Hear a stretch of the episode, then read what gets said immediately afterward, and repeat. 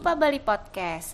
Untuk di episode kali ini, kita berada di ruang antara studionya Gurat Institute.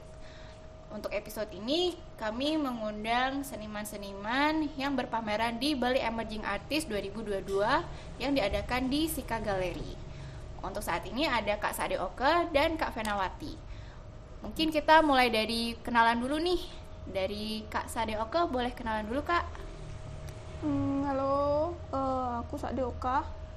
Um, uh, untuk pameran di Sika itu adalah pameran pertamaku sebenarnya. Awalnya juga nggak nyangka bisa diterima di situ sebenarnya. Awalnya iseng-iseng aja, terus ternyata bisa keterima kan. Dan karyaku itu um, pakai teknik uh, embroidery atau sulaman. Jadi sebenarnya kayaknya belum banyak juga yang ngeksplor itu di Bali kayaknya ya. Terus um, apa lagi ya?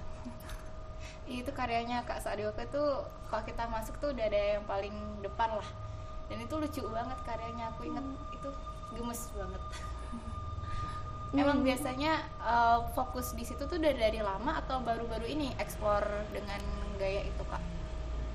Sebenarnya eksplor sulaman itu dari, dari pas aku lulus kuliah, mungkin tahun awal 2017-an kayaknya aku mulai coba-coba untuk uh, nyulam.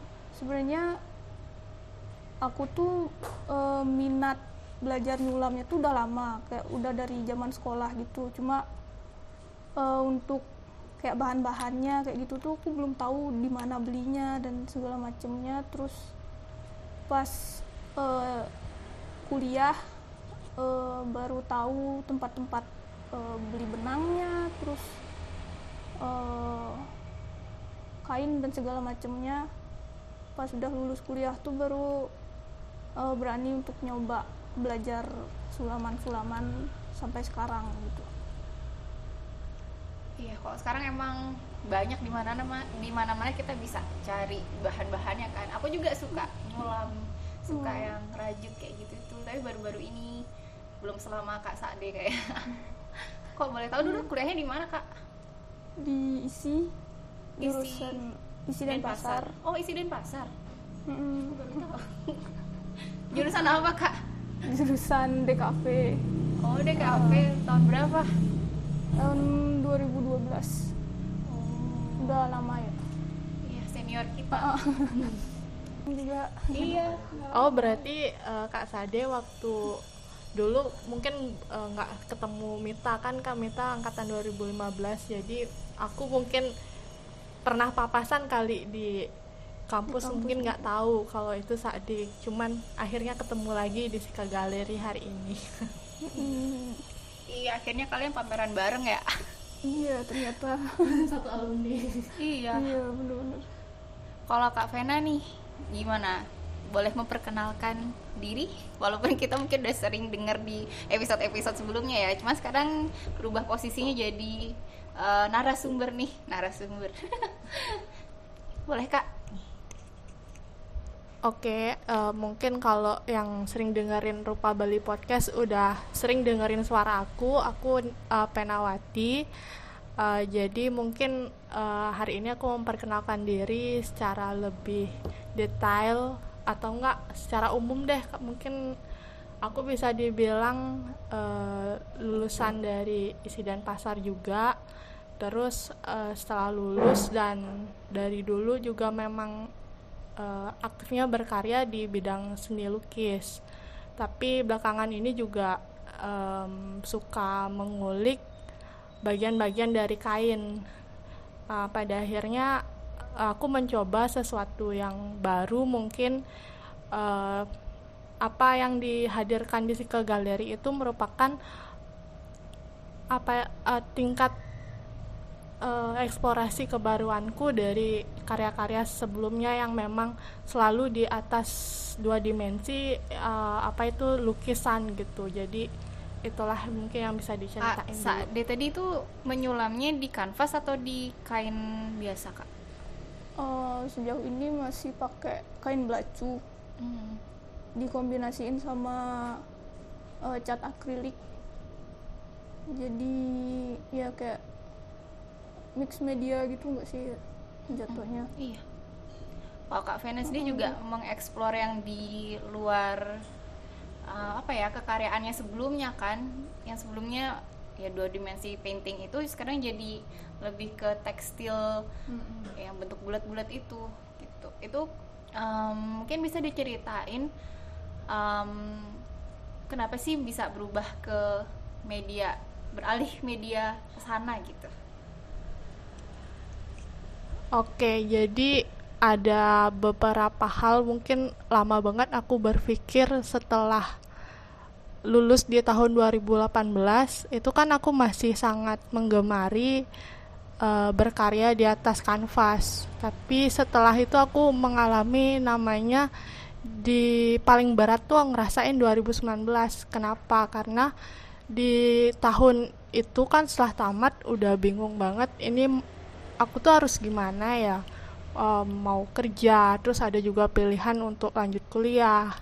Terus eh, di dalam keluarga juga ada hal-hal yang hmm, ya cukup berat lah pokoknya untuk diceritain. Jadi eh, sempet ya eh, ngelihat eh, kain kan eh, jadi kain itu sebenarnya eh, hasil yang dibuang ataupun yang sortiran yang nggak terpakai lagi. Jadi aku ngelihat apa yang ada di kain itu aku ngerasa sama banget kayak aku gitu.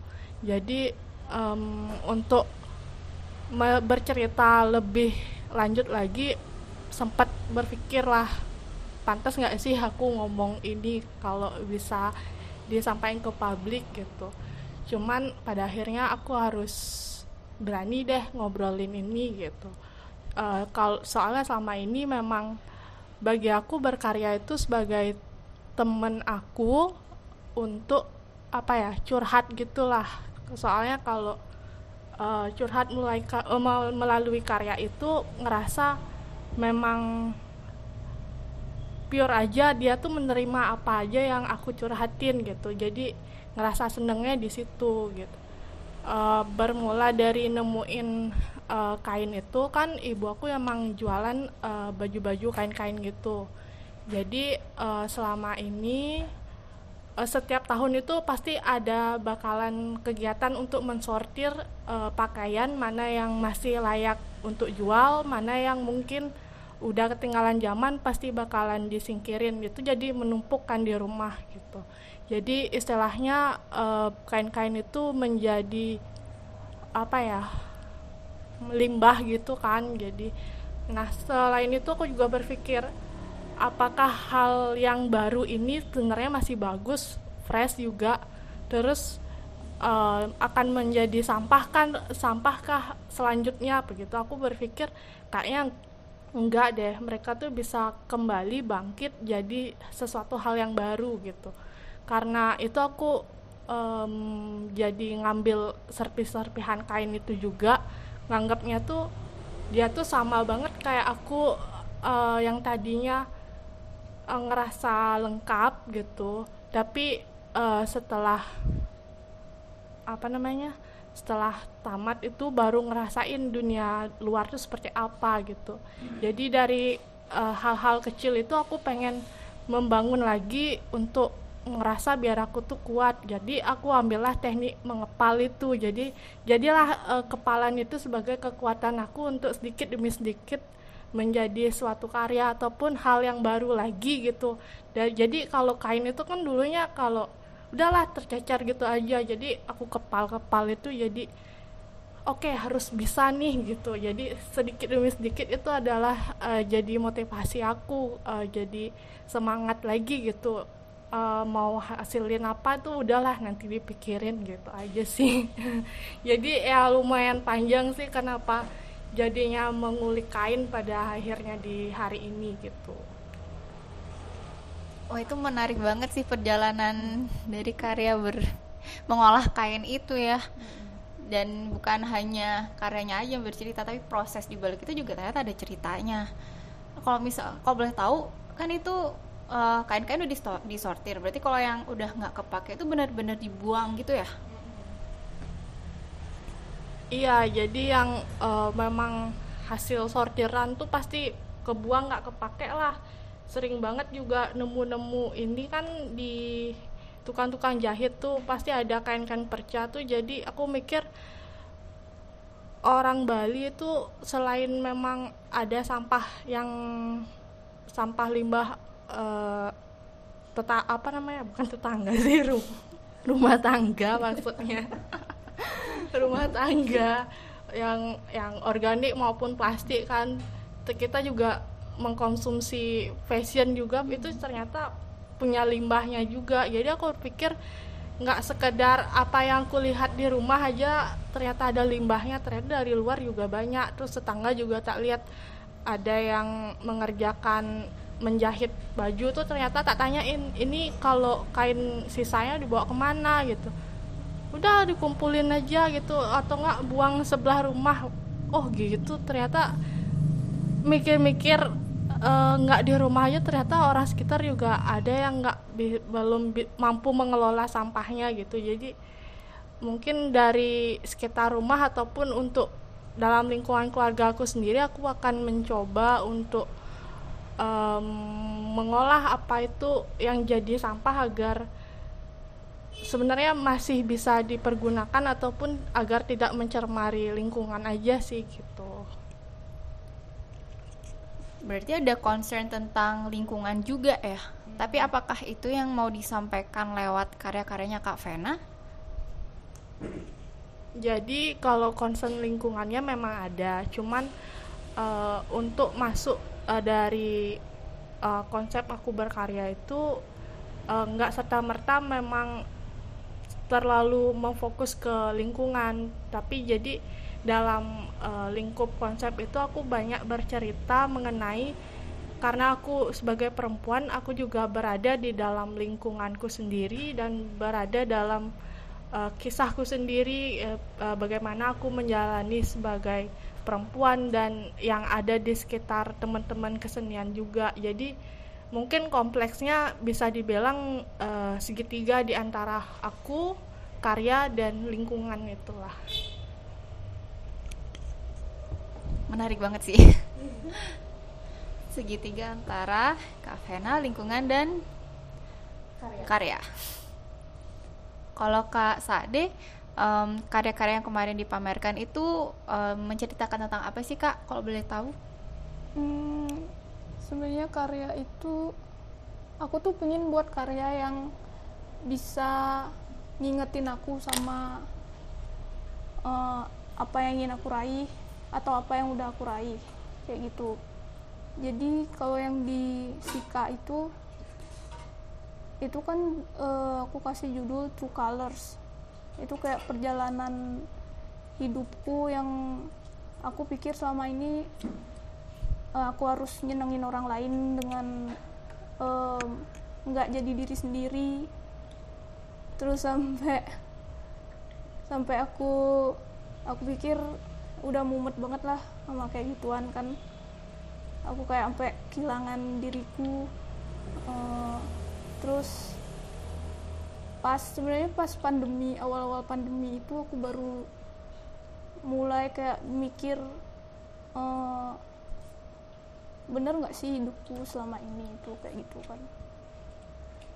Terus jadi selama pandemi itu aku berusaha untuk balik lagi ke diriku uh, ngelihat lagi apa yang uh, kurang dari aku atau uh, apa yang harus aku perbaiki kayak gitu kan. Ternyata aku nemuin bahwa aku tuh kurang mengapresiasi diriku.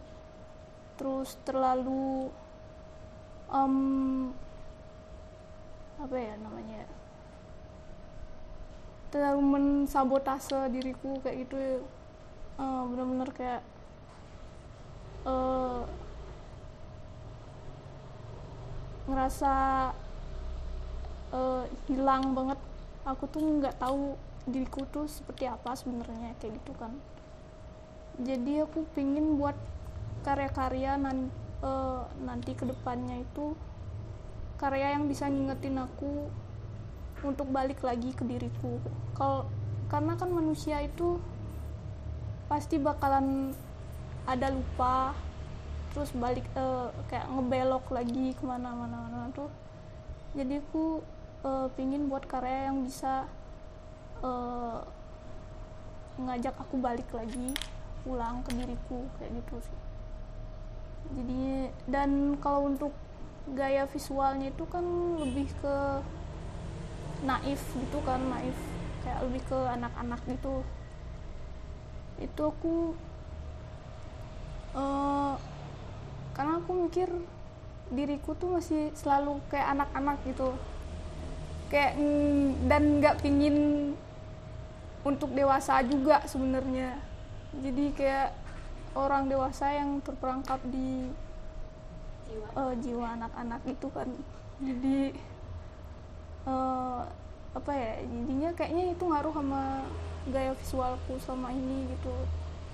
Jadi lebih ke gaya-gaya naif gitu. Uh, dan ya kayak gitu lah oke jadi kayak karyanya kak Sade itu lebih kayak apa ya hmm, jadi sebagai refleksi diri juga ya hmm.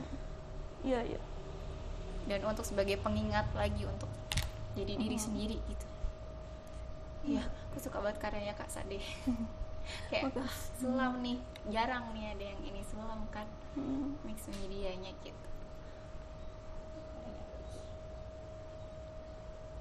Oh ya kalau Kak Vena dulu kan um, karya-karyanya lebih ngangkat tentang Ibu Pertiwi ya. Hmm. Jadi dengan karya-karya yang sekarang itu juga sebenarnya nyambung juga ya. Cuman kalau dulu Kak Vena lebih memvisualkan Ibu Pertiwi dalam bentuk lukisan dengan figur-figur uh, wanita kan kalau sekarang apakah itu juga masih menjadi um, apa ya concernnya Kak Vena juga sekarang atau gimana Kak? Oke itu pertanyaan yang menarik banget. Uh, uh, gimana jadinya dulu tuh kelihatan mungkin vis secara visual aku tuh sering menggambarkan ibu pertiwi yang bahkan uh, orang tuh berpikir uh, bumi yang bulat ini terus digambarkan jadi sosok figur gitu. Uh, dan sekarang uh, aku jadi mentiadakan figur perempuan itu lagi di dalam karya aku. Jadi um, hal ini aku ambil dari uh, konsep uh, orang apa orang Hindu mungkin menyebutkan bagaimana um, modelnya kayak ilmu pengetahuan yang digambarkan uh, dengan sosok wanita cantik jadilah Saraswati Dewi Saraswati. Jadi aku pikir uh, kalau membayangkan hal-hal yang begitu besar dan tinggi gitu seolah-olah seperti bumi ini. Kan mungkin kalau kita terlalu membayangkan bumi itu sangat beragam. Jadi aku ingin membawa alam semesta itu lebih dekat. Jadi aku gambarkan uh, ke sosok uh, perempuan ataupun ibu yang bahkan selalu dekat bersama kita. Terus sedangkan hari ini aku ingin ngobrolin tentang diri aku sendiri. Jadi itu sangat mikro gitu. Jadi apa yang hadir hari ini aku lebih sederhana lagi karena apa yang aku pikir memang perempuan secara uh, orang lihat itu visual mungkin pasti selalu nganggap kalau perempuan tuh cantik yang standar gini gitu. Jadi kalau aku hari ini ingin merubah bahwa perempuan tuh bisa dilihat dari simbol-simbol aja gitu. Jadi apa yang aku hadirin itu juga bentuk lingkaran dan segitiga itu juga sebenarnya simbol-simbol dari perempuan. Uh, lingkaran itu juga tak terhingga. Uh, jadi ya bisa dibilang ada similarnya dengan Ibu Pertiwi itu yang bulat gitu. Dan juga segitiga yang aku hadirin kemarin itu ada tiga tumpukan segitiga. Yang pertama memang aku pikir uh, hubungan aku di antara itu. Jadi aku karya dan Ibu Pertiwi itu dan ada mungkin kayak aku ingin membentuk sebuah persegi empat ataupun uh, uh, hal itulah. Tapi tidak sempurna karena aku sendiri ngerasa memang belum sempurna aja jadi uh, perempuan gitu. Uh, belum sempurnanya itu di mana? Karena ada hal-hal yang belum aku capai ataupun mimpi-mimpi yang belum aku capai. Jadi tapi hal itu uh, sudah menjadi runcing gitu. Jadi kayak Pitagoras itu bagaimana uh, hal itu masih dalam impianku untuk mencapai uh, impian aku yang diimpikan itulah. Jadi kok banyak banget impiannya. Oh ya gitu deh pokoknya. Ya hubungan dari dulu sama sekarang itulah yang jadi uh, apa ya ja jalan proses aku berpikir kenapa dulu lebih sering uh, menampilkan figur perempuan sedangkan sekarang bahkan benar-benar kontras minim bahkan uh, menampilkan figur perempuan itu. Karena dulu aku ngobrolin yang makro sekarang aku ngobrolin yang mikro gitu aja sih Oke, berarti karya-karya kalian berdua ini sebenarnya mengandung harapan-harapan juga ya tentang mimpi-mimpi, tentang harapan-harapan di masa depan gitu. Aku mau mikir mau apa mau nanya apa lagi? Apa lagi kak? Tanya apa lagi? Udah berapa lama biar nanti Oh, emang mau berapa menit berapa menit ininya? Sama yang ini 22 Oh, lumayan.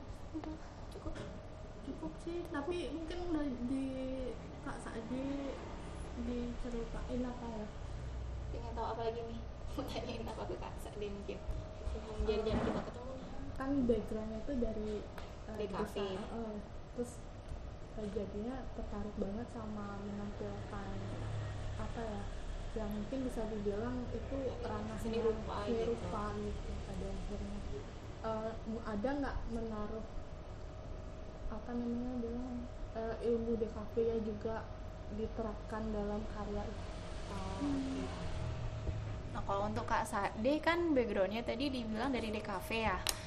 Nah, kita pengen tahu nih apakah dalam proses membuat karya Kak Sade yang kemarin itu menggunakan menerapkan apa ya ilmu-ilmu yang didapat dari DKV dulu atau gimana Kak? Karena kan karya yang sekarang lebih mungkin cenderungnya lebih ke seni rupa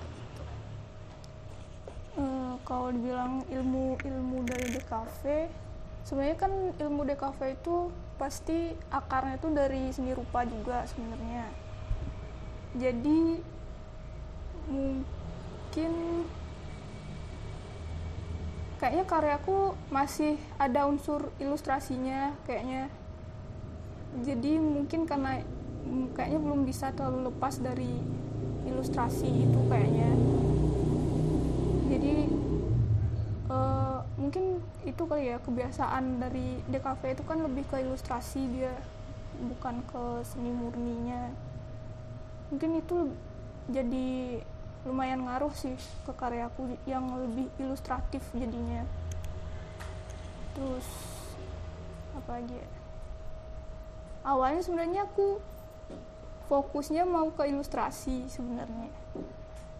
Tapi nggak tahu kenapa kayaknya lebih menarik ngeksplor eh, ya benang-benangan kayak kain kayak gitu-gitu kan daripada yang eh, ilustrasi biasa yang biasanya cuman eh, dalam bentuk kertas ataupun digital kayak gitu kan.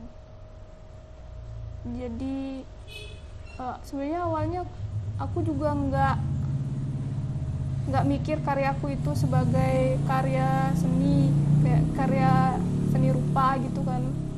Awalnya aku cuman eh, jual karyaku di kayak pop up pop up market gitu.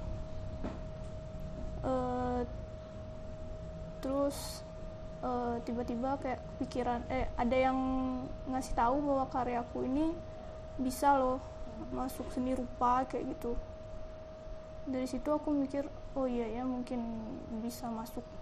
Terus makanya aku coba eh, apply ke eh, Bali Emerging itu. Dan ternyata diterima dengan baik karyaku di sana. Jadi ya bersyukur sih. Mungkin jalannya ke situ ya ke arah seni rupa gitu ternyata. Kalau Kak Sade ada karya yang full eh, sulaman gitu nggak Kak? Atau semuanya mix media?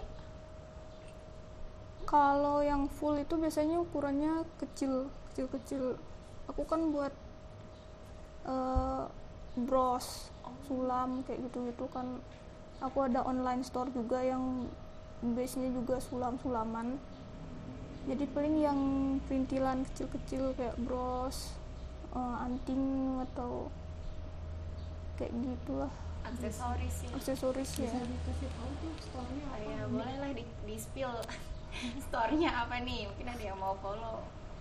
Eh, store-nya namanya eh, di Instagram at infinity store 16 Ah, itu nama Instagram Store 16. Oke. Terima kasih waktunya Kak Sade dan Kak Vena. ya Terima kasih sudah mau sharing sama kita. Mungkin kita akan ketemu dengan seniman BEA lainnya. Terima kasih.